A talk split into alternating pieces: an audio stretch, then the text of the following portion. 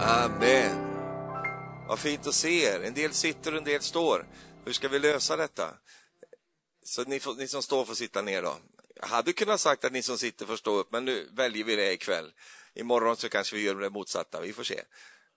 Halleluja, vad fint att, att träffa er här igen. Jag ser alltid fram emot den här, den här eh, Ja, det har blivit lite tradition att jag kommer vid den här tiden ungefär. Och det kan vi inte bara säga att det är så. Härligt. Jag ska berätta lite personligt för dig ikväll först innan jag börjar preka. Eh, därför att eh, i, i, februari förra året, alltså, ja det här året, alltså 2022, februari, så var jag med om en förfärlig sak. Vet du vad som hände med mig? Hjärtat stannade på mig. Jo, så jag fick åka ambulans in till sjukhuset där och, och eh, så fick de ju hålla på med mig. Eh, och det gick ju bra som du ser. jag tror det i alla fall.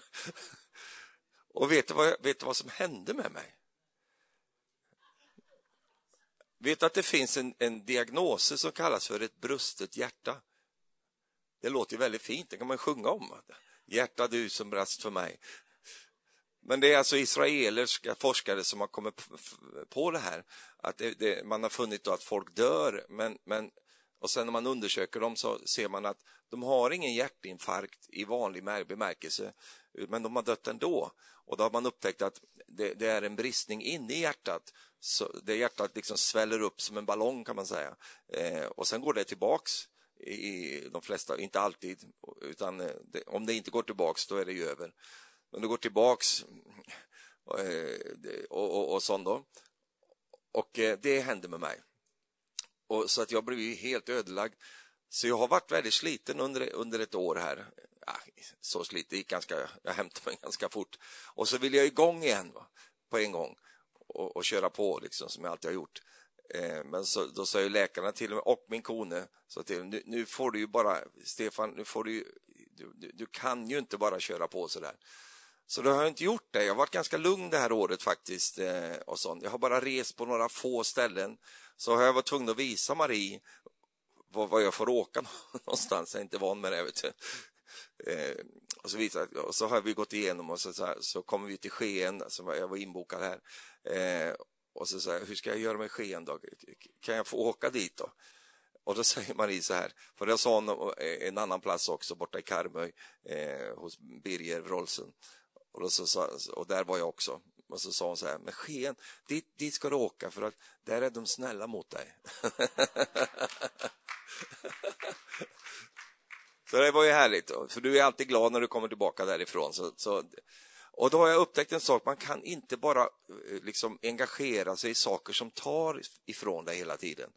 Till slut så har du ingenting kvar, utan du måste också engagera dig i sånt som ger någonting tillbaka. Och eh, för mig är det att komma till menigheten här, då får jag någonting tillbaka också. Halleluja. I form av kärlek, i form av inspiration och eh, många sådana härliga saker. Ni är en härlig menighet och en sak som jag är absolut nästan gladast över det är ju att ni finns kvar.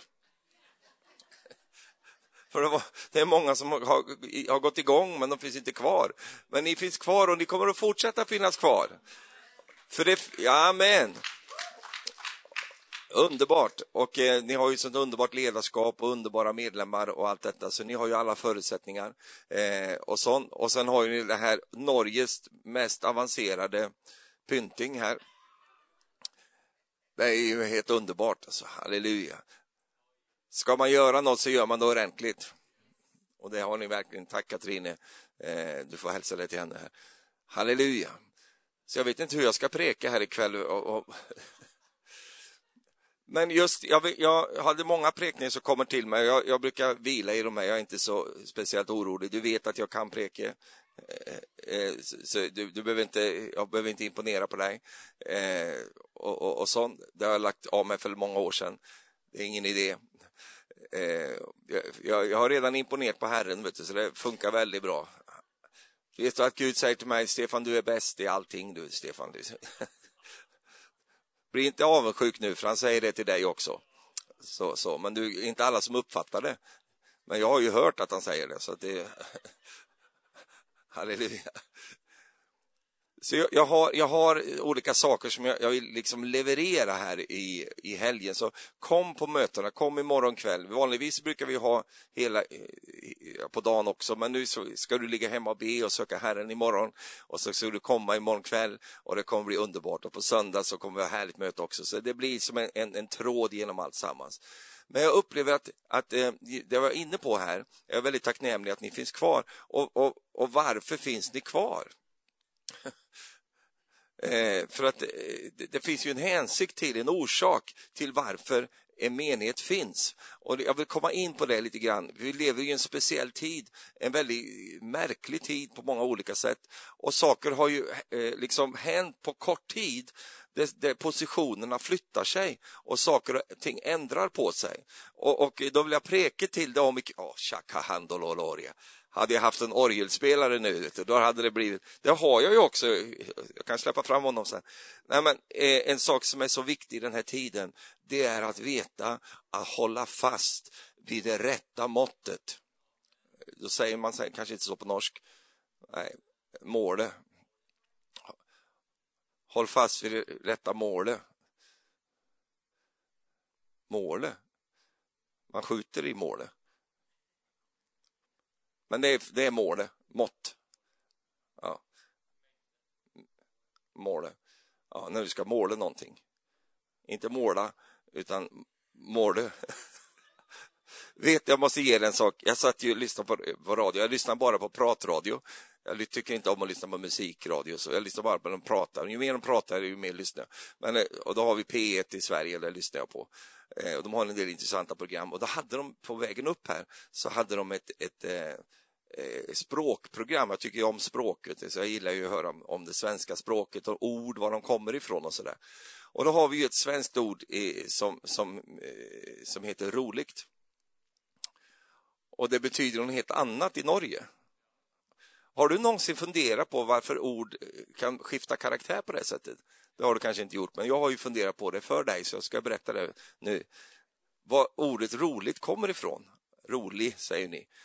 Det är ju helt korrekt. Det kommer ju precis ifrån det som du tror att det, det står för, att det är lugnt och det är stilla och roligt. Ta det, ta det roligt, säger vi. Eh, och det kommer från ordet ro. Och det är egentligen från danskan från början. Och, och det var, det var eh, även i Sverige eh, men, eh, från 1600-talet framåt så, så, så, var det ju universellt att man, man säger rolig, att man tar det roligt. Det betyder att, att eh, man, eh, man får en liten en, eh, eh man får en liten paus eh, man får en liten, eh, så du har rott så, så får du en liten sån där du kan lugna ner dig lite och sen så tar du ett nytt rottag. Eh, och så, det, det kommer ordet rolig ifrån. Eh, och, och, Det var likadant i Sverige. Och, och, och orsaken till var, var vad håller jag på med det här? Eh, programmet handlar om prefix. Nej, det är ingen bibelord, jag vet det. Men det, Henning undrar var står det någonstans? Nej. Prefix, det är ju det man sätter framför någonting för, för att liksom eh, beskriva någonting. Och det, ett prefix eh, är ju o. Eh, man säger troligt och så säger du otroligt. Va? Då har du ett prefix framför det. Tänk vad jag kan. Va? Och i Sverige säger vi roligt, det är något morsomt, men så säger vi, sätter vi ett o framför, då blir det oroligt. Och då stämmer ju inte det riktigt, därför att då blir prefixet fel. Eh, och, och, stämmer, och, varför stämmer inte det när vi säger roligt, kul och så säger vi oroligt så betyder det att man är orolig och man är eh, precis som i norskan. Och då stämmer det med det här grundordet vad det betyder. Det betyder lugnt och stilla. Det betyder ta det roligt. Men så började någonting hända då eh, under 1600-talet och 1700-talet framåt i Sverige. Just det att man, man, man menar på att man tar det roligt så att du kan få en liten, eh, en liten Eh, Eh, att det blir en liten paus där. Och så la man in lite saker där, att ha det roligt, då kan du passa på att spela lite fotboll och, och ta lite pauser och ha lite kul. Och, och, så. och så helt plötsligt så gick det över till en annan betydning. Så det blir roligt inte att vara stilla utan det är att ha kul. Tänk, tänk på, det där har du ju tänkt på hela ditt liv. Du har, du har legat vaken på nätterna, du har undrat, vad är det där egentligen? Nu har du fått svaret här, nu kan vi, det var preken ikväll. Halleluja. Men just det, det, passar med preken faktiskt därför att eh, just det här att man kan förskjuta saker och ting så att någonting eh, har ett innehåll och helt plötsligt får det ett annat innehåll. Och vår uppgift som menighet och som troende, det är ju att se till att bevara det, det ursprungliga, det som var från början och inte förändras i den måten så att det som var en gång, helt plötsligt är det någonting annat. Och jag har under tiden som, som eh, vår käre pastor här, Rune, har gått omkring och, och, och, talat så fint, så har jag tittat mig omkring här och jag har inte funnit riktigt vad jag behöver. Eh, jag har en liten grej där uppe, jag kan ta den, så, så ska vi ha den med oss när jag preker här. Eh, vad, vad, står det i, i Orsaksboken kapitel 4, jag får börja där, så står det så här i vers 20, min son, så ni alla döttrar kan bara, ni behöver inte lyssna nu, Jodå, det gäller alla människor. Min son, ta vara på mitt tal, vänd ditt öra till mina ord, låt dem inte vika från dina ögon, bevara dem i ditt hjärtas djup, ty det är liv för var och en som finner dem och läkedom för hela hans kropp. Framförallt så ska bevara så må du bevara ditt hjärta, ty från det utgår livet. Och jag hoppar till psalm 119 också, i vers 9. Hur kan en ung man bevara sitt liv rent?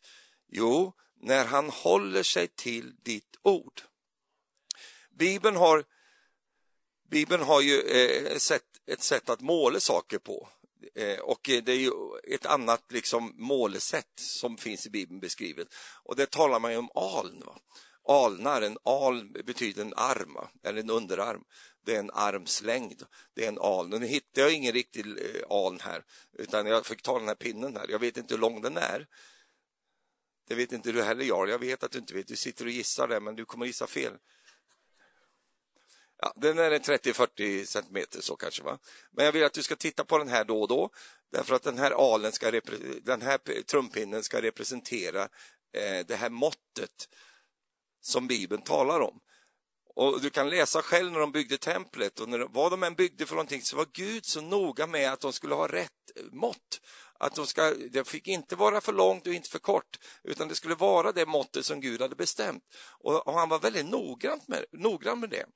Eh, och, och, eh, då är det så att här, här uppe i Norden, eh, nu hann jag inte undersöka detta, men, men, men, jag tror att det var under den perioden som, som Norge var under Danmark.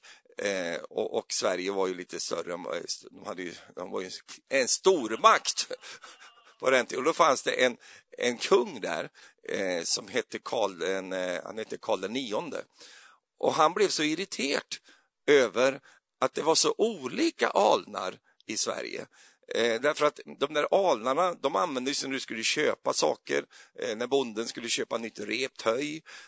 Ja, då gick han ju och så mätte de upp antal al, alnlängd och det kunde ju vara lite godtyckligt. Så uppe i Norrland där hade de lite längre underarmar. Va? och sen, så det blev lite, det blev inte ett, eh, ett, ett vad ska jag säga, ett enhetligt eh, målestock.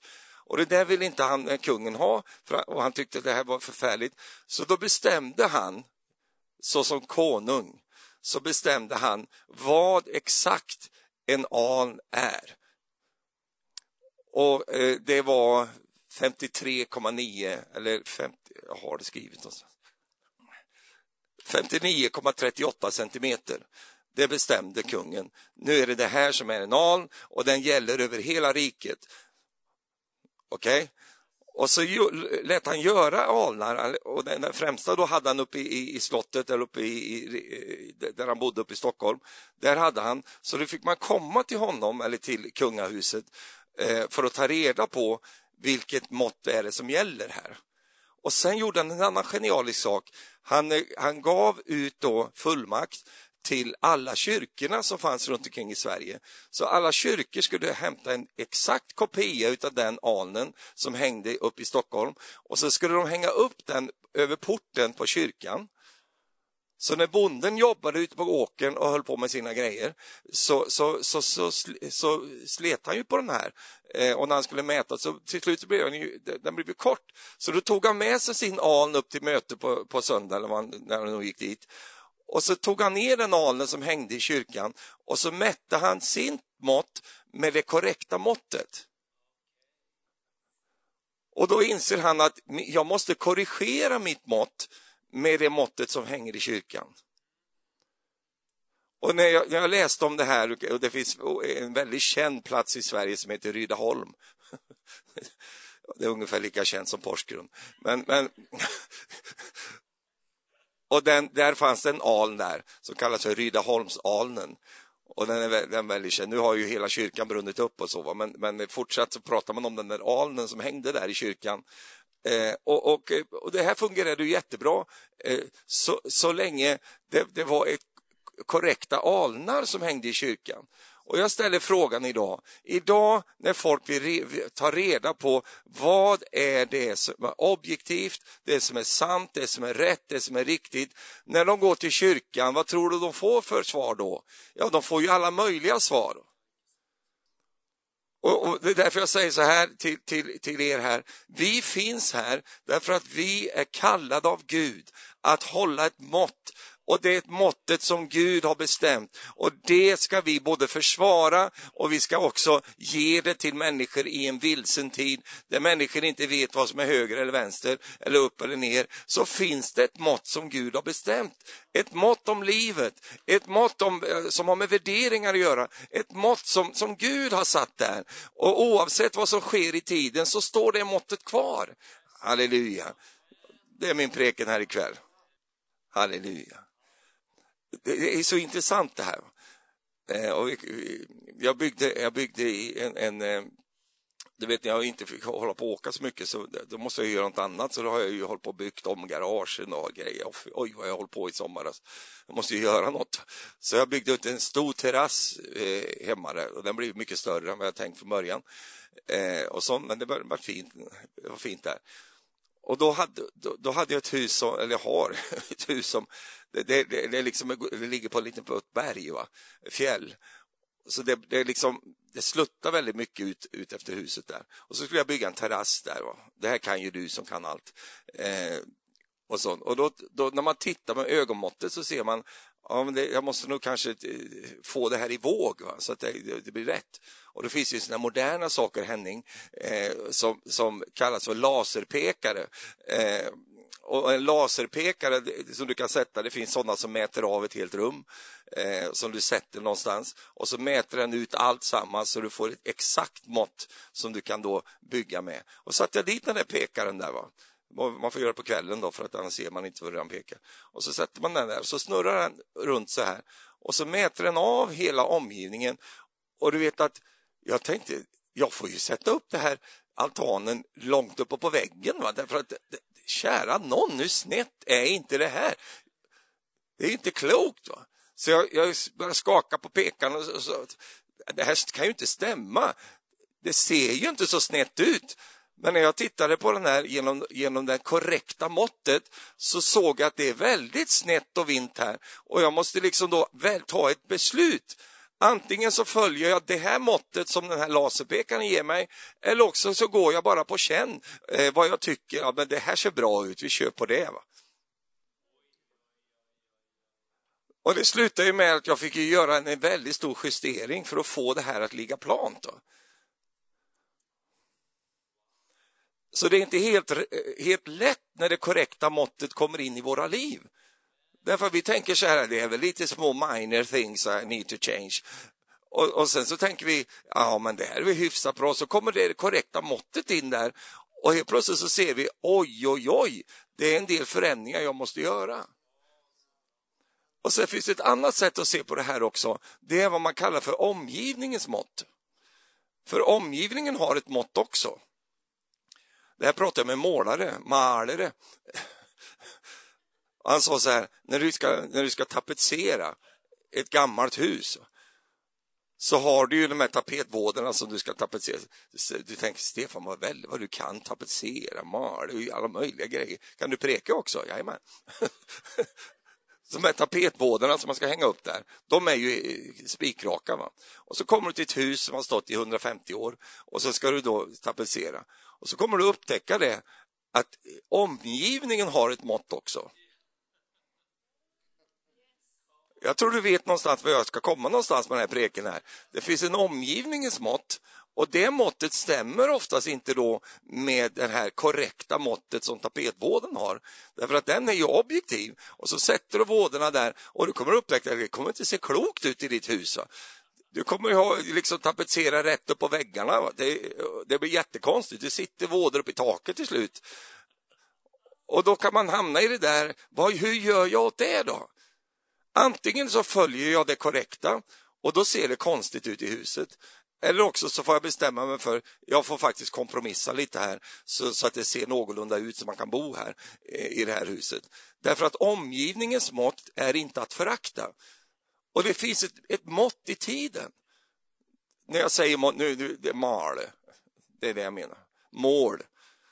Det finns ett mål mat där ute sen efteråt där. Säger vi i Sverige. Ett mal. Det är sånt som finns i kläder och sånt. Mal.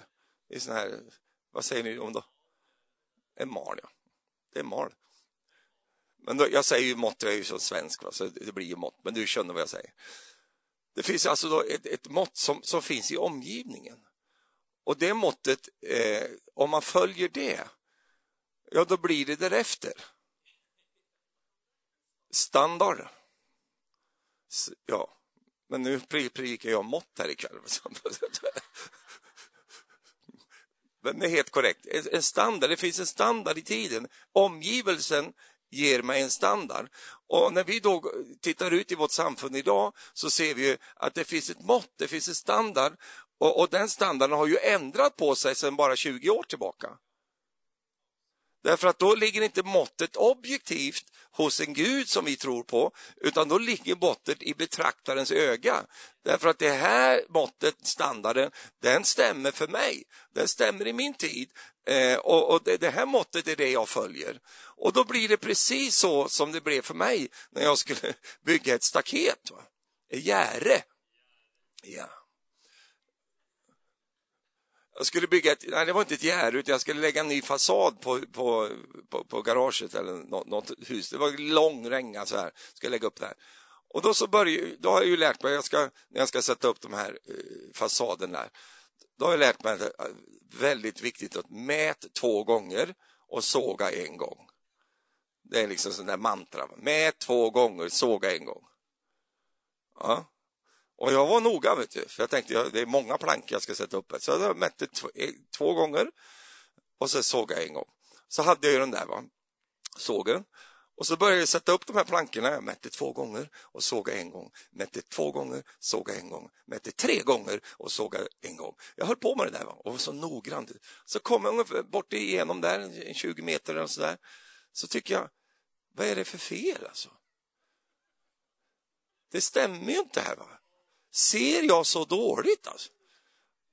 Ser jag inte? Det blir bara mindre och mindre här borta. Så jag tänkte... Så jag gick tillbaka och kollade på, på liksom allting och, och, och, har jag verkligen rätt måttband och, och, och allt sånt där. Så jag vill kolla. Nej, men jag tycker nog att jag har gjort det. Men det blir ändå fel här.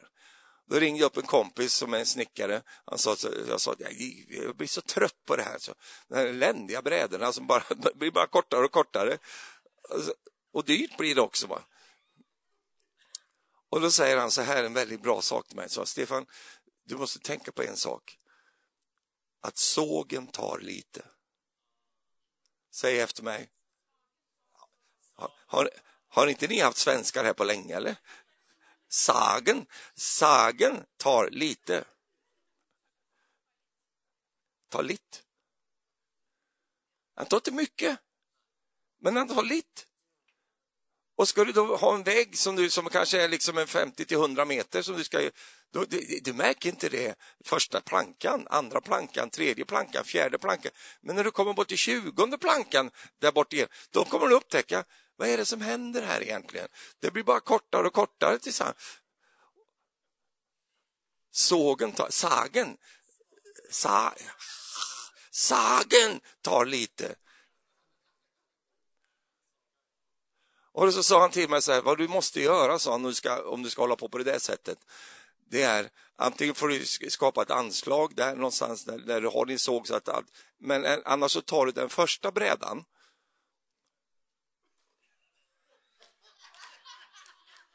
Det är ju jag som... Så, det är, han är redan färdig med den här prekan. Han är liksom, jag får inte ens predika, predika själva min punchline. Va? Så, ja, det är klart det. Va? Ja. Då tar jag den första plankan och mäter ut den. Och så tar jag den med mig hela tiden. Sitt inte där och titta på mig på det där sättet. Så, ja, men det, det vet väl alla, Stefan. Det fatt, var du så dum i huvudet så du inte förstod det? Ja, jag var så dum i huvudet. Så jag var lite bråttom också. Så tog jag... Och så tar du med dig den första plankan hela vägen. Och sen när du är färdig, den sista plankan du sätter i, det är den första plankan som du börjar med. Så, det, så bibelordet stämmer ju, den första ska bli den sista. Då håller du hela tiden eh, sågens effekt borta. Därför att då har du ursprunget att gå efter. Inte omgivningens eller den närliggande plankan. För att du vet att när jag mäter mig mot den planka som ligger närmast så känns det ju kanon. Va? Jag är ju helt straight. Va? Jag är ju helt rak alltså. Det är, det är kanon där. Jag mäter mig där. Va? Och då känns det ju jättebra. Men det är bara det att, att sågen, livet, tar lite hela tiden. Ni har ju haft Carl Gustav här, han har varit här och predikat. Och han, han hade ju tagit sån här flygcertifikat så han kunde flyga lite grann.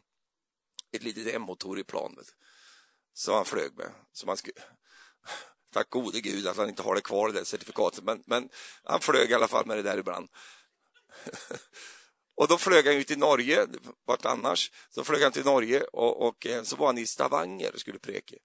Och sen när han skulle åka hem, och det var en gammal plan, det var bara manuell inställning och så. Nu för tiden har de väl digitala grejer och så, men han hade några gamla grejer. Och så skulle han ställa in det där eh, eh, gyrot då. Och så, så anropar Tonert honom och säger så här, uppge din kurs, säger hon. Ja, det är, nu kan jag inte om det, 55, cent, 55, 79, 83. Det sa han säkert inte, men jag bara säger det här. Och så kommer Tone tillbaka och säger så här, först frågar han så här, vart ska du någonstans? Ja, jag ska till Bromma. Ha? Vad är din kurs? Så ger han den kursen och så kommer Tone tillbaka och säger, du är en grad fel.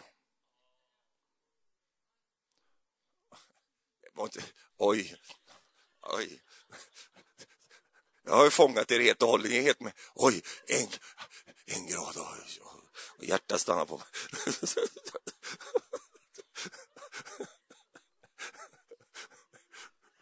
Det var ju liksom inte det som var det. Säger du det? Det var ju med en grad. Oh, jag har alltid tänkt på Carl Gustaf det där med graden i hans liv, det, det är liksom, eh, det, det, det, svarar på en del spörsmål som jag har. Det är fantastiskt. Så, du är en grad fel. Det var inte, han sa inte med orgelmusik och så, utan du är en grad fel. han bara konstaterade det. Du är en grad fel. Jag ska klara igenom den hela preken, alltså. jag ska klara det. Och då säger Carl Gustaf, ni som känner honom, då, då, då säger jag så här, bara en grad. Det är, det är, för det var så mycket jobb att hålla på att sätta i, i, i bara en, nej men det kör, det kan jag köra på, det går bra, det är bara en grad. Och då säger tornet tillbaks, ja, det kan du köra på. Men då kommer du inte till Bromma. Då kommer du till Haparanda, längst upp i Norrland en grad. Och jag har tänkt på det så många gånger. Det är precis samma som när jag håller på med mitt, min plank där. Alltså, det ser inte så illa ut när jag börjar. Det är bara en grad, det gör väl ingenting, det kan jag köra på. Och det går jättebra så länge du ser Stavanger. Du ser kyrktornet där när du flyger och du ser gamla skolan där och du ser det där. Och sen så, men efter ett tag så blir man, eh, liksom förlorar man sig själv i terrängen och så undrar man, eh, ja nu ser jag inte Stavanger längre men, men eh, och då måste man titta på instrumenten för att hålla sig till kursen. Och, och, om då kursen är en grad fel så är inte det dramatiskt när man börjar, men det blir väldigt dramatiskt till slut. Och det är därför jag uppmuntrar oss alla, vi måste hålla fast vid det korrekta måttet. Varför då? Annars, så, eller standarden, eller vad ni kallar det för. Vi måste hålla, hålla fast vid det och inte kompromissa med det. Därför att det är väldigt lätt att kompromissa i den tid vi lever i nu. Därför att man, man sliter i båda ändar och man säger men det duger väl det här. Det går väl bra det här. Därför att alla andra gör ju det här. Det är ju omgivningens standard nu. Och, och, om jag ska hålla fast vid den standarden som Guds ord säger så kommer jag bli liksom väldigt, väldigt besvärlig.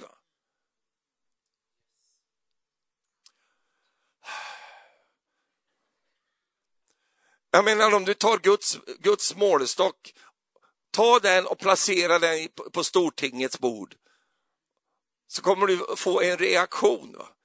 Därför att den målestocken stämmer ju inte alls med den målestock man mäter ut politiken för den tid som vi lever i idag. Men vi behöver inte gå till Stortinget, utan vi kan gå till kyrkor i, i Norge och i Sverige. Du kan gå till väldigt många eh, samfund och allt möjligt. Helt plötsligt så, så har du en annan standard va? som man utgår ifrån. Och varför har man en sån standard för? Jo, därför att man mäter med omgivningen och säger vi kan ju inte ha de här eh, sakerna i våra, i våra kyrkor. Vi blir ju helt liksom eh, out of business om, om, vi, om vi håller fast vid detta. Utan nu gäller det att anpassa sig och bli lite smidig så att vi, vi får ett, e, e, e, en standard som folk kan acceptera. Och det är just den där förskjutningen. Va? Lite grann där, lite grann där, lite grann där. Och helt plötsligt så upptäcker människor, jag är på en plats jag inte vill vara på. Och så ställer de sig frågan, hur hamnar jag här? Du vet var de hamnar, vet varför de hamnade där? Det var inte för att det, det här skedde igår, utan det har varit en långsam process. Och den processen ger effekt. Och sen helt plötsligt så, kära någon, hur kunde jag hamna här ute? Det blir inte dramatiska konsekvenser, men det är inte dramatiskt under processen. För att det känns nästan som, ja, det är väl inte så farligt. Det, nej, men det, vi kan väl inte vara så. Nej, vi får, vi, ja, men det är ju nya tider nu. Nej, men nu är du så tyst så jag blir rädd här. nej, men saker som vi har ju hållit på ganska länge, Runar och ni andra också. Henning, du har hållit på ännu längre. Och du är ju också eh, en kristen, jag ser på dig att du har hållit på länge. Hur ser du det? Jo, men det syns. men du kommer ihåg när du hade alla tänder i munnen och allt det där. Men nu har du inte det, men du är fortfarande med på banan. Halleluja! Där det var ju en självklarhet att säga Gud skapade man och kvinna. Snart kan du inte stå i en predikostol och säga det och läsa de bibelorden utan att lägga till Ja, sen finns det något mitt emellan också. Vi har ju lite hen ibland oss också. Inte bara han och hon, utan vi har något där, någon, någon egen uppfinning där också. Och de måste ju också få finnas med. Och det känns ju rätt för dem. Och det känns ju fint för dem. Så vi, vad ska vi vara de som fördömer detta? Vi kan ju inte vara sådana, utan vi måste ju vara kärleksfulla. Och vi måste ju visa tolerans i den här tiden. Och helt plötsligt så har vi gått med på de här sakerna och sen det blir lite till och lite till och lite till. Och helt plötsligt så är vi på en plats där vi undrar, kära någon, vad är det som har hänt? Ja, det som har hänt har inte börjat igår. Jag skulle vilja säga så här, det började för 200 år sedan. 200 år sedan kan man, brukar man säga, det är själva födelseplatsen för humanismen. Och humanismen är ju det som tog över successivt i Europa. Och det, vad humanism står för, det är att man har ändrat på måttet. Därför att innan, innan eh, 200 år tillbaka, innan den tiden, så var det självklart att Gud var alltings mått.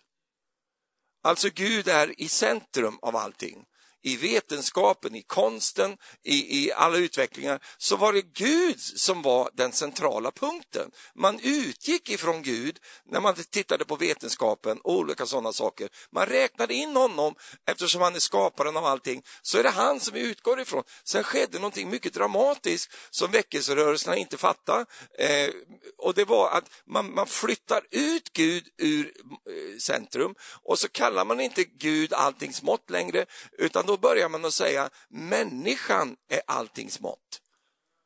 Och så har man flyttat in sig själv i centrum. Så nu är det, utgår det ifrån vad vi kan göra och vad vi ska göra. Och det här ser du idag. Så, så, det här är ju ingen tanke ens, utan man utgår ifrån det. Och eftersom man då inte har en tro på Gud på det sättet att han finns med som en aktiv eh, aktör så blir det ju jätteviktigt att nu ska vi save the planet. Nu ska vi rädda den här jorden. Nu ska vi göra detta. Nu måste vi få ner koldioxidet här. Nu måste vi ordna de sakerna. Därför att man har inte Gud med sig. Och Gud är inte ens, han är inte ens med i tanken att det ligger något bak det här. Och, och när skedde det? Jo, det skedde successivt under dessa 200 år eh, medan väckelserörelserna hade glada, härliga möten i sina kyrkor. Woho!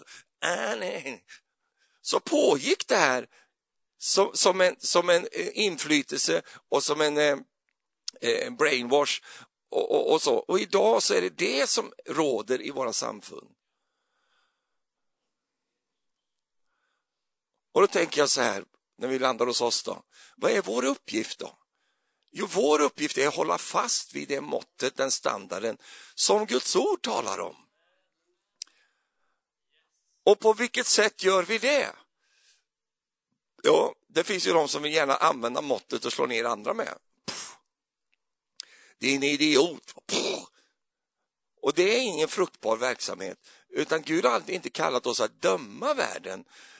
Och Gud har inte heller kallat oss att ha ett mått, en standard, utan Gud har kallat oss att vara ett mått. Så när du och jag kliver in i olika sammanhang, i olika omgivelser, så kommer, så kommer ett mått in där. En standard. Och den standarden är ingenting du, du bara har, utan det är någonting du är. Alltså nu jag predikar rätt bra faktiskt, jag känner att det funkar. Jag kan ju predika också. Ja. Vad betyder detta då? Vad betyder det att inte vara av denna världen? För det är det vi inte är. Då säger Jesus väldigt tydligt om det. Han säger så här i Johannes 17. Då kan man lyssna på det här. Jag har gett dem ditt ord och värld. Jag har gett dem din standard. Det här är din standard, Gud. Och världen har hatat dem eftersom de inte är av världen och liksom inte heller jag är av världen. Och nu ber jag att du ska inte ta dem ut ur världen utan att du ska bevara dem från det onda. De är inte i världen, lika som inte jag är av världen. Helga dem i sanningen. Ditt ord är sanning och liksom du har sänt mig så har jag sänt dem till världen. Så vad är vår uppgift då?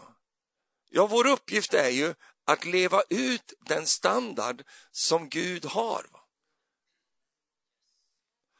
då kan det synas väldigt radikalt att leva ut den standarden i den tid som vi lever i. Därför att i, i, i den tid som vi lever i finns det ju knappt någon standard.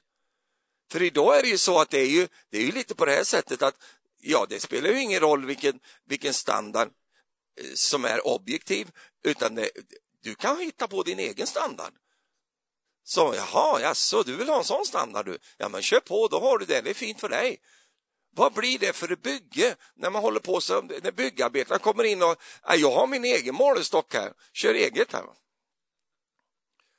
Ja, men det är ju en meter som gäller här. Nej du, jag kör 50 centimeter, mycket enklare. Och så gör ju världen idag. Ja, men det är ju rätt för mig det här. Det, det, det, ja, men jag har ju den här känslan. Så man vill inte veta av någon objektiv liksom, standard som alla måste, måste förhålla sig till. Och vill man inte veta av det, då blir det ju kokobäng. Va? Säg efter mig kokobäng. Det blir knasigt. va Och vi, vi behöver inte prata så mycket om världen nu, vi kan ju bara lyfta in det i, i, i, i den kristna verkligheten. När man börjar ifrågasätta grundläggande värderingar som har stått i alla tider och så börjar man rucka på dem, så börjar man ändra på dem därför att omgivelsen har en standard. Och det är ju ganska tufft ibland att stå upp för en standard som omgivningen inte, inte liker. Och då säger jag till, till, till dig och mig, det är vår uppgift, ja likeväl. Vi är kallade att vara det måttet. Vare sig folk liker det eller inte. Men vi är inte kallade att gå runt och döma världen för att, för att de eh, inte har den standarden som Guds ord Det är inte vår uppgift, utan vår uppgift är att mitt i den här världen så representerar vi ett annat sätt att leva på. Vi representerar ett annan standard. Du vet att när du kommer in med Guds standard i, i, i, i ditt liv och du lever efter det, så du behöver inte säga ett ord. Va? För helt plötsligt kommer det in någon här som lever med en annan standard. Du blir bjuden på firmafest. Alltså, inte, nu pratar jag inte om fir, menigheten. Men i firman som du jobbar på. Och det är julebordstider nu, alla går på julebord.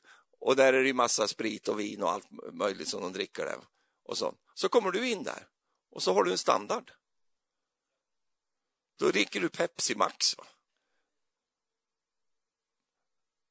Och bara där känner jag att det blir problem det är något med Pepsi Max som inte är bra. Alltså, byt standard. Men, men du, du, du dricker juice eller något annat, va? så går du omkring där. Och jag lovar dig du, att du får väldigt många konversationer på, under kvällen. Varför dricker inte du? Partykiller kan man vara. Men det är bara det att du är den gladaste i hela sällskapet. För de här som har druckit, de är ju bara glada eh, i 30 minuter för att eh, alkohol är ju sån nedåt, eh, nedåtdrog. Va? Så de blir bara superdeppiga ju längre kvällen går. Va? Och börjar prata om sina äktenskapsproblem och hur eländigt livet är och värdelöst. Va? De, de ju, det går ju neråt. Va? Har du varit på sådana fester någon gång? Det börjar hjärtan, det är som den finska fyllan. Va? Det startar med nummer ett, euforin. Oh! Ja, och sen går det över i andra faser sen. Och det slutar med eufori, sen kommer det här liksom så blir vreden, då kommer den loss och sen så kommer melankolin, va, svårmodet. Ja, så jobbigt allting. Och sen så kommer till slut koman. Va, så bara slocknar de. Och då är du med på första fasen där, oj vad de är glada håller på där. Och till slut så går det över någonting annat. Och det, det sitter ju folk här ikväll, du har ju varit på sådana här tillställningar. Då har du fått sitta och själavårda folk. Va? Så, så nu helt plötsligt så släpper spärrarna och så kommer allt det som finns i dem ur. Och gråter och grinar och håller på. Va? För de har sådana problem där på insidan så nu släpper filtren och så kommer allting ut. Men vet du, du, du bär ju en standard i ditt liv. Min vän, det ska inte du skämmas för. Det är väl ingenting att skämmas för.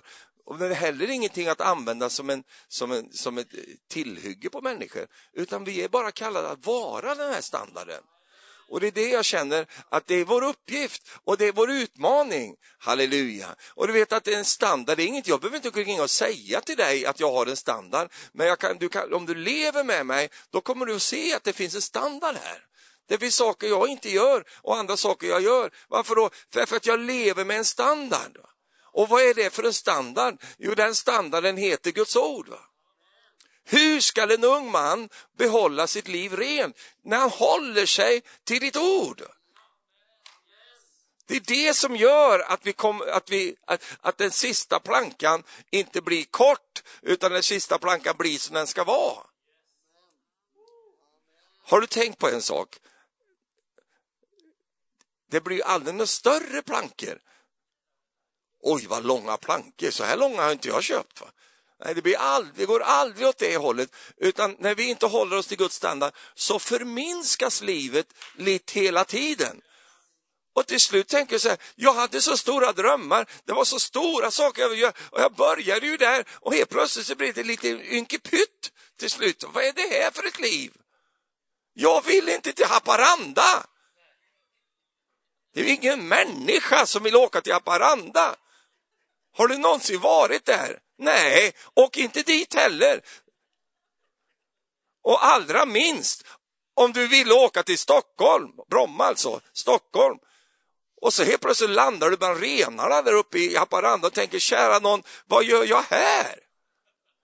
Jo, därför att du inte höll dig till det måttet som, som leder dig till den platsen du önskar att komma.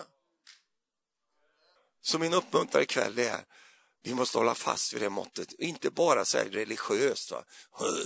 jag håller fast, va? utan med glädje. Halleluja. Ju mer jag ser hur världen är och hur den blir, ju gladare är jag att det finns ett mått som jag kan förhålla mig till. Det finns en standard som jag kan förhålla mig till. Och du vet vad underbart det är att få komma på gudstjänst. Då kommer jag ju med mitt, med, med mitt mått. Och sätter mig där, precis som Liv sitter där. Då sitter man med sitt mått där och så får man höra en preken. Och du vet att eh, det är ju inte alltid så pastornämnt medveten, och inte jag heller, när man preker, vad som sker när man preker. För helt plötsligt börjar den helige ande börja prata med en och korrigera saker i ens liv och säger du Stefan, du, du, du, du kanske behöver förändra det där. Du kanske behöver justera ditt mått. För nu har det blivit lite kortare än vad det var förut. Du måste ju, som man gick till kyrkan, lyfte upp sin, sin an och så såg man, kära någon, jag måste ju, jag, den har ju blivit kortare än vad det var från början. Så då får jag ju ordna med det. Så att mitt liv där ute i vardagen, så att det livsbygge som jag håller på med, att det blir, att det blir vad jag hade tänkt. Du vet, jag kan ju gå till Liv och så tar hon fram sitt mått. Det är bara lite sovande skådespeleri här nu. Det var en väldigt kort pinne du hade. Det. Då har hon sitt mått där. Va? Hon är helt förnöjd med sitt. Va? Det är smidigt, hon kan ha i handväskan och allt möjligt. Så kommer jag med mitt mått här. Va? Och så kollar jag med hennes där och säger, oh, wow, jag har ju mycket längre mått än vad du har. Det har jag. Du har, det är ju min pinne du har där bara. Så, kolla. Mitt är mycket längre. Amen. Då kan jag känna mig helt förnöjd. va? Men jag förhåller mig till Liv, så hennes lilla mått som hon håller på med det här, va? så har jag ändå ett mer radikalt mått i mitt liv. För liv har ju liksom hållit på och slitit ner sitt mått i alla ändar. Va? Jag skojar bara, Liv. Du behöver inte se ledsen ut. Jag bara... hon, blir, hon blir sur på mig. Om du har den då, så tar jag den här. Det kändes bättre. Så har jag mitt mått, jag är rätt förnöjd med det faktiskt. Jag tror på Gud ibland. Jag prisar honom ibland. Jag går på möte ibland rätt nöjd med mitt kristna liv. Funkar bra, funkar bra, funkar bra, jättebra. Funkar bra på jobbet också, behöver inte säga någonting om Jesus där. Det går bra, vet du, men jag har, jag har min tro inombords och jag lever med den här med, med mig själv på något sätt. Så ber jag någon gång ibland också. Och läser Bibeln på, vid jultiderna. Sån. Så kommer jag till liv och då sitter hon med sitt mått där. Va? då är det mycket större än mitt mått. Ja. Och då hamnar jag i ett läge här när jag mäter mitt liv mot hennes. Det vet inte, nu pratar vi ju här, men det vet inte hon ens om. Men jag går ju förbi och jag ser henne och är eh, så, så ser jag att hon lever med en annan standard än den standarden jag lever med. Och då, då har jag en av två saker som jag måste göra då, eller som jag kommer att hamna i. Det ena är att jag tar, börjar såga ner Livs grejer. Såga ner dem så att de passar med mitt mått. Så, sen, så, kom ner på min nivå. Var inte så överandlig, va, Liv. Håll inte på där och grejer. Vi lever, lever i en ny tid nu. Vi kan inte sitta där och bara hålla på där som en fanatiker och, och så. Tyst med dig. kan inte hålla på så kom ner. Det är många som håller på, de, de, de har inte med sig, de har med sig liksom en sån som fil. Va? Ska bara fila på andras mått, få ner dem så att de, för då känns det bra. Aha, ja du röker lite också. Ja, vad fint. Vad röker du då? Cigarrer? Vad röker från ni? Kokain? Ja, det går bra det med, vet du. Vad fint. Jag röker ju inte det. Jag röker bara hash och sånt. Men, men, så då är jag lite bättre än dig. Så håller vi på på det där sättet fram och tillbaka. Och då känns det lite gött, göttigare om vi får ner alla på samma nivå. Då känner inte jag mig så dålig. Jag blir inte provocerad, jag blir inte utmanad, ingenting. Utan då har jag lyckats få ner det här. Det är ett sätt att göra det på. Men ett annat sätt när jag möter Liv och ser hennes mått och får upptäcka, kära någon, du har en annan standard i ditt liv. Det är ingenting som hon går omkring och säger till mig, jag bara märker det. Och vet du vad som sker då? Då sker någonting... Så, så, ja, vad sker då? Vad sker då? Ja, ja det kommer, jag ska svara. Så. Vet du vad som sker då? Livet är inte... Vilken pinne ska du ha? Nej, nej, nej. Livet är inte ens om att hon har påverkat mig. För när jag kommer ifrån henne och för mig själv så känner jag, Gud alltså, jag måste göra något, något åt min standard. Det här håller inte alltså. Jag måste justera mitt mått. Och Gud hjälp mig så att jag får det korrekta måttet. Vad sa Jesus? vad, vad sa Jesus om oss i, i, i Guds mening? Alltså, ni är världens Ja, ljus också, men, men kan, du, kan du hålla tyst nu? Vi, ni är världens salt. Ja, det är både världens salt och ljus, det är helt korrekt. Så. Men en sak som han aldrig sa, Runar, nej, han sa aldrig ni är världens socker. Har du någonsin sett, sagt, hört att Jesus har sagt du ska gå ut och du ska vara socker för världen? Sockra upp den har du fått den kallelsen över ditt liv? Jag känner att jag bara ska ge socker till världen. Va? Oh, världen behöver mer socker. Det är det sista den behöver. Den behöver det är ju rent gift. Va? Den behöver inget socker. Men Jesus säger, ni är världens salt. Och salt gör många saker. Salt stoppar förruttnelsen. Det, det, det, det är ju den stoppar förruttnelsen. Man använde det förr för att hålla köttet eh, så det gick att äta det. Så saltar man in det.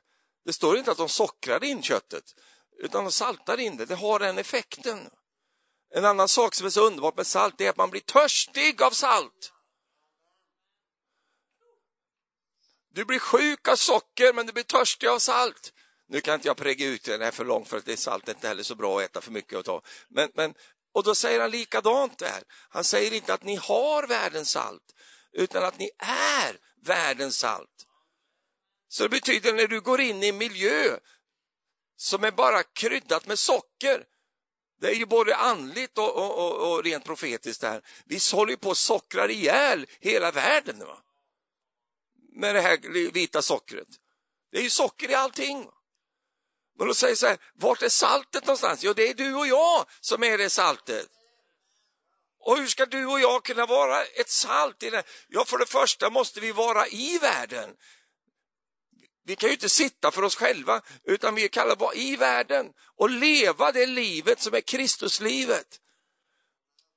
Och även om du blir spottad på, även om de säger till dig, fy, du, du, du, du, var kommer du ifrån? Vi har väl gått vidare från det här, säger man ju i världen idag. Ja, jag ser det. Verkligen, jag har verkligen gått vidare. Vad är nästa steg? Jag kan tala om för dig eh, i, i den sexuella delen av det här. Vad är nästa steg? Nästa steg är att det ska bli normalt att ha sex med djur. Hör vad jag säger. Det kommer bli helt normalt och accepterat och man kommer försvara och hävda att man kan faktiskt ha eh, en kärleksrelation med sin hund också. Det, kommer bli, det, går, det är ju det hållet det går. Och då säger du, men det kommer jag aldrig att tillåta. Nej, men det sa man ju på 50-talet också, det som vi lever mitt inne i idag. Det som var så främt. Hur kan det bli så? Hur kan det bli så? Haparanda. Jag vill inte Bromma. Jag längtar efter Bromma. Jag har kärlek till Bromma. Ja, men du har ju kursen mot Haparanda. Det är ju dit vi kommer. Usch. Var var Gud någonstans i mitt liv? Så står jag här och fryser uppe bland renarna här. Fy alltså. Det var inte så jag hade tänkt. Nej, men det var så det blev. Av en enkel orsak och det är att man håller inte fast vid måttet. Man håller inte fast vid det. För vet du, både du och jag, det är inte de här dramatiska grejerna. Utan det är den där, den där lilla graden. Det är den jag måste ha koll på. Att man, att man säger, nej, precis som Lester Sumrall, han sa en väldigt bra sak. Han sa så här, others may, but you can't. Andra kanske kan göra det där, men inte du. För du har en annan destination. Du är på väg åt ett annat håll. Och det hållet kallas för himlen, men det kallas också för himlen på jorden. Det är dit vi är på väg. Jag är så glad att få komma hit, för det här är ju ingen deppig församling. Nej. Det är ingen sån svårmodig församling. För det är ju lätt att bli både deppig och svårmodig. Det är ungefär samma sak i en tid som den här. När du ser vad, vad som händer, vad som är på väg, hur saker och ting utvecklas. Det är ju lätt att, att få känna en känsla av hopplöshet. Och när du står där med ditt mått så tänker du så här, jag passar inte in i den här tiden. Alltså. Har du tänkt så någon gång? Alltså jag tänker ibland, jag är född i fel tid. Va? Jag, jag, jag passar inte in här. Alltså. Och vet du vad? Jag ska säga till dig, om du känner det så, jag passar inte in här. Det är ett bra betyg. Det är superbra. Därför att du passar inte in här. Du är inte gjord för att leva i det här kletet. Du är inte gjord för det. Men varför är jag här då?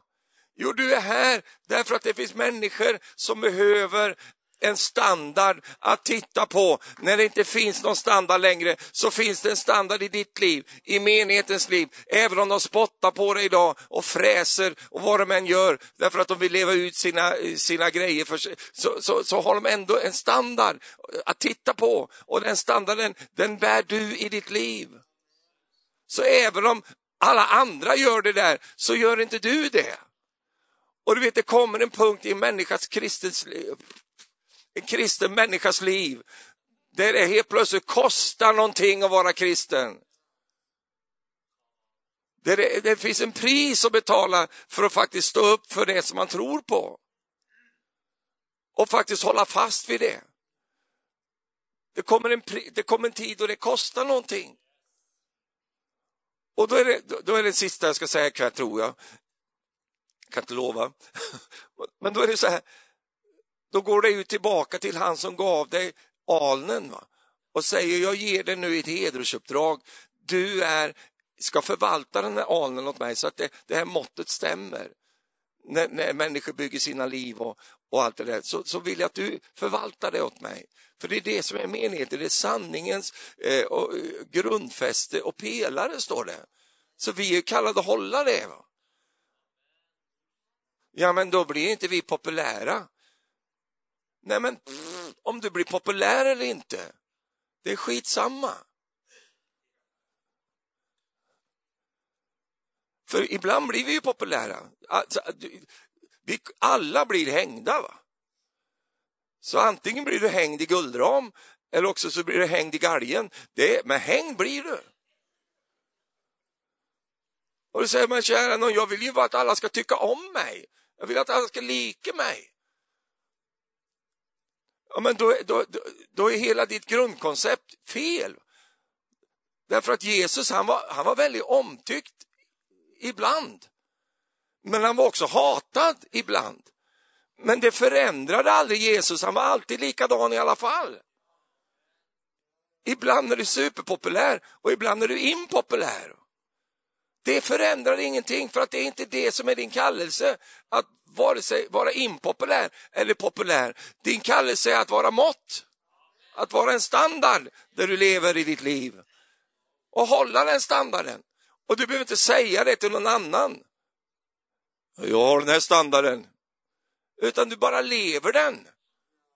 Och när du lever den så blir du salt. Och när du är salt så blir det törstigt runt omkring dig. Det, det, det, bara, det bara blir effekten. Halleluja. Det var det jag sa, att det är en glad församling. Snälla någon, fortsätt att vara glad. Därför att det finns ju många som ger upp, nästan, det, det, det blir övermäktigt. Va? Därför man känner, åh kära någon, alltså, det bara rasar överallt. Va? Och, och, och åh, jag, jag ger upp. Men det, det, kan du inte göra, utan du fortsätter och håller Guds standard i ditt liv. Bara fortsätt med det. Halleluja. Bara håll den, lev där, var där. Och vet du vad? Jag, jag kan profetera det, men jag behöver inte ens göra det. En del kommer att lämna dig bara för att du har den standard. Men, men bry dig inte om det, därför att hundratals kommer att komma just därför att du har en standard. Fall aldrig i den frestelsen. I Sverige har statskyrkan fallit i den och även många frikyrkor. Därför att man drar ner standarden, för man tänker att då får vi mer folk. Det har aldrig varit så lite folk på de mötena. Varför då? Därför att det finns ingen attraktion längre. Det finns ingen dragningskraft. Det är ingen som står för någonting. Vet du vilka som växer i Sverige? Ja, det är muslimerna. De växer. Varför då? De har i alla fall en standard som de vägrar, och katolikerna, de växer också därför att de står upp för ett visst värdesystem. Där står de. Va? Och de ändrar inte på sig. Och du är varken muslim eller katolik, Säg halleluja. Utan du är en enkel troende människa som tror på Jesus och tror på hans ord och så lever du ut det livet där. Och vet du vad? Du kommer, du kommer bli så fullt upp med att hålla din standard, att leva där. Så när du kommer så kommer du inte du vara, ha något behov av att döma andra och säga till dem, vilka har ni för löjlig standard här? Utan du bara tänker, Jesus hjälp mig att leva det liv som du vill att jag ska leva. Hjälp mig att vara till behag för dig Jesus. Hjälp mig att vara en Josef i en tid då frestelserna är runt omkring mig. Hjälp mig att vara en David i en tid då fienden reser sig upp med sin, med sin trussel. Hjälp mig att vara en Daniel, att kunna vara profetisk i en sån tid som vi befinner oss i nu. Hjälp mig Jesus att vara en Mose som har tålmodighet och kan leda ett folk. Hjälp mig Jesus att vara som de här som gick före. Hjälp mig att vara en sån Jesus. Så kommer han att göra det. Han kommer att hjälpa dig. Halleluja. Jag sa han kommer att hjälpa dig. Apropå standard. Det var en undersökning i Sverige nu för lite sedan där man pratade med ungdomar i frikyrkorna. Visste du att över 70 procent av den undersökningen visade att ungdomarna idag i en vanlig frikyrka tror inte att Jesus har stått upp från de döda. De är med andra ord inte födda på nytt.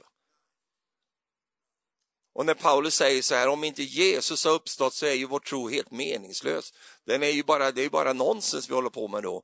Hela kärnan ligger ju i att han stod upp från de döda. Men unga människor av idag, de har inte hört det. De har inte fått det förkunnat för sig, utan de har fått en förståndstro och i en förståndstro så går det inte ihop att han står upp från de döda. Men vi har ju evangeliets tro i det att vi tror att han stod upp från de döda. Hur har det kunnat bli på det sättet i, i, i före detta väckelseförsamlingar att ungdomarna inte ens tror att Gud har uppväckt Jesus från de döda? Hur kommer det sig? Ja, det är ju hela preken det. Det började ju inte där, utan det har lite efter lite, sågen tar lite och till slut så är man på en plats där man bara har ett humanistiskt evangelium. Man inte förkunnar evangeliet som är Guds kraft till frälsning. Men vi gör det och du gör det och vi står fast där. Halleluja. Eller hur Frank? Amen. Vi står fast. Vi backar inte. Och jag vill bara skicka en uppmuntran till dig ikväll. Att bara fortsätta. Fortsätt bara att stå för det du alltid har stått för. Halleluja. Fortsätt att stå på den grunden som Guds ord ger. Bara fortsätt med det. Du behöver inte göra så många åthävor. Du behöver inte härja och skrika så mycket eller hoppa så mycket för det orkar du inte längre. Utan, men bara stå där. Halleluja. Jag kommer ihåg när Ulf sa en gång, han sa så här, när man står still, När, om du står still när allt annat går bakåt så kallas det för framgång. Då är du framåt. Allt annat går bakåt och du står still. Nu står inte vi still utan vi fortsätter framåt men, men vi, går, vi backar inte på de här sakerna som Guds ord talar om. Vi gör inte det. Vi måste hålla fast vid det. Halleluja. Och genom att hålla fast vid det så kan vi rädda en hel generation. Alltså, vi kan rädda en hel generation. Amen. Prisat vare Herrens namn. Någon kanske anklagar och säger så här, men du är så nöje, du är så noggrann, du är så, åh, du så håller på där, du är så noggrann med så här, det, det, skit i det, flöda med. Nej, vi flödar inte med med sådana saker, utan vi håller oss där, för vi vet det att börjar jag tulla på de här eller kompromissa med det här så, så det ena ger det andra. Jag träffar så många som idag står, är på en plats där de knappt e- bekänner sig till Jesus längre. Men de var brinnande evangelister för 30 år sedan och de var liksom starka och, och stod på. Och idag så sitter de helt desillusionerade och tänker så här, vad är det för mening med mitt liv? Och så här, hur kan det bli på det där sättet? Sågen tar lite. Livet tar lite hela tiden och det är därför man måste vara så noga med vad har jag för planka jag mäter mig med? Jo, jag har Jesus Kristus. Det är honom som jag håller mig till och så mäter jag mitt liv med det allt eftersom livet tar olika skepnader och olika säsonger. Jag var ung men nu är jag inte ung längre men jag har fortsatt den första plankan kvar i mitt liv och det är min målestock. Det är det jag mäter mitt liv med. Och allt folket sa Halleluja. Amen. Det blir lite reformationspreken här ikväll, men det, det, får, det får vara så. Tänk vad man kan få ut av en trumpinne. Halleluja. Oh,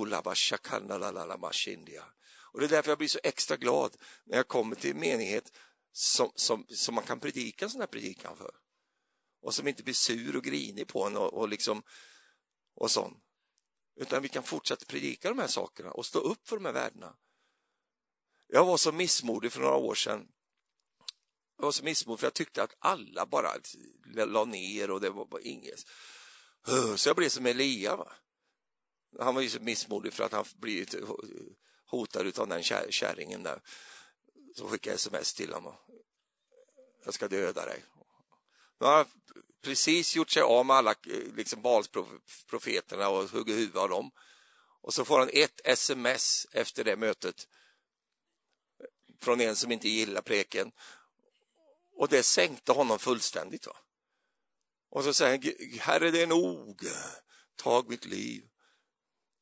Och så kommer Herren till honom och säger så här, eller har de ett samtal, och säger Elias, säger, jag är ensam kvar. Det finns ingen annan som står upp än jag. Det räcker så nu, Herre, nu får jag dö. Och då säger Herren till honom så här, vad snackar du om? Det är min fria översättning. Vad snackar du om? Jag har ju 7000 som inte har böjt sig för Bala. Det är en ganska bastant menighet det. Jag har ju 7000 som inte har böjt sig. Och då Herren talar till mig så här, Stefan, det finns många i detta land som inte har böjt sig. Det är bara det att de har ingen plattform idag. De har ingen, de har ingen röst, va? De, de, de kommer inte fram i, i, i mediebruset, men jag har dem och de finns där. Halleluja! Och det finns, det finns fler än 7000, jag lovar dig. Men bara, bara, alltså, jag menar, tänk dig själv, om 7000 skulle stå upp och bara få en plattform, du vet att det skulle bli stora förändringar. Kan du säga amen till det? Det är, det är en kraftfull menighet där när det står upp 7000 och jag tror att det finns i Norge lika fullt eh, män och kvinnor som inte har böjt sig men de är, de är, under attack, de är under press och allt detta. Och detta, Därför ska det här vara en haven, det ska vara en hamn för människor som faktiskt delar den här tron och säger jag behöver, jag behöver bli uppmuntrad i just detta. För jag, jag, jag ser ju kampen, striden är ju där och, och, det är så lätt att falla in för det. Men, men så kommer man till, en, till möte och känner halleluja, Woo! jag kör en vecka till alltså. jag, jag klarar en, en, vecka till, jag står på. Jag är inte ensam i det här. Det finns fler som tänker och, och, och, och, tror på detta sättet fortsatt. Och det gör det, förstår du. Det finns många som tror precis så som du tror. Det är bara det att du har inte hört dem än, du har inte mött dem kanske, men de finns där. Kan du säga amen till det? Åh Jesus, vi bara prisar dig, vi bara prisar dig, vi bara prisar dig. Halleluja. Paulus han säger så här, du kan bara lyssna på det här. I mitt brev till er så skrev jag att ni inte skulle ha någonting att göra med otuktiga människor. Jag menar inte alla otuktiga här i världen, inte alla giriga, utsugare eller avgudadyrkare. För då måste ni ju lämna världen. Nej, jag skriver till er att ni inte ska umgås med någon som kallas en broder om man är otuktig, girig och avgudadyrkare. Inte ska ni äta tillsammans med en sådan. Och han säger så här, det är ju det vi kan inte, vi kan inte fly bort från världen, vi kan inte lämna den, utan vi är ju, vi är ju här av en hänsikt. Och den hänsikten det är ju precis som Paulus säger här, att eh, vi är inte av världen, eh, utan vi är mitt i den. Och varför är vi mitt i den? Jo, därför att vi ska vara med och rädda den här båten som håller på och kapsejsar. Jag vet inte om du har tänkt på det någon gång? När Paulus skulle till Rom, han var kallad till Rom, men vilket sätt kom han dit på? Han fick åka på en båt som han inte ville åka på. Han fick åka med folk han inte ville åka med. Han fick vara med en storm som han, som han hade varnat för, men som de inte lyssnade på. Han var i stormen han med. Han blir lika blöt som de andra. Och du säger så här, ja men kära någon, alltså jag känner igen mig i det där. Jag har ju inte valt det här, jag får ändå sån.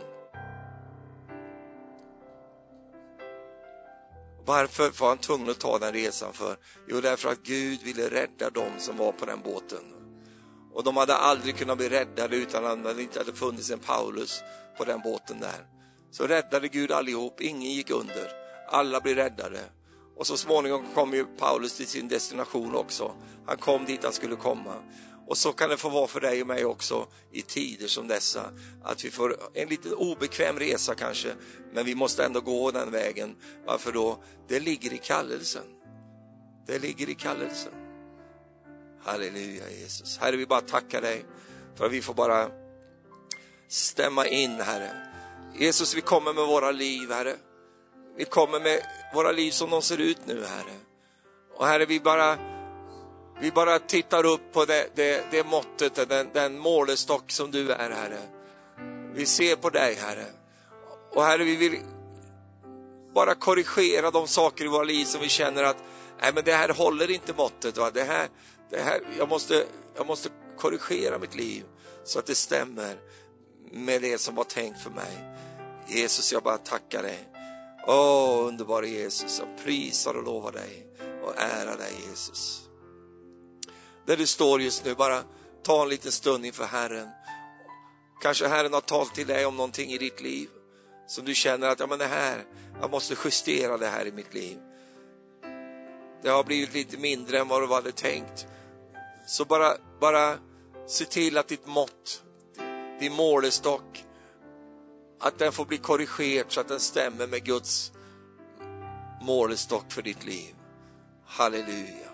Du ska inte tänka på någon annan nu, utan tänk bara på ditt eget liv och tänk på dina egna, dina egna beslut och val som är gjorda. Kanske det fattas bara en grad.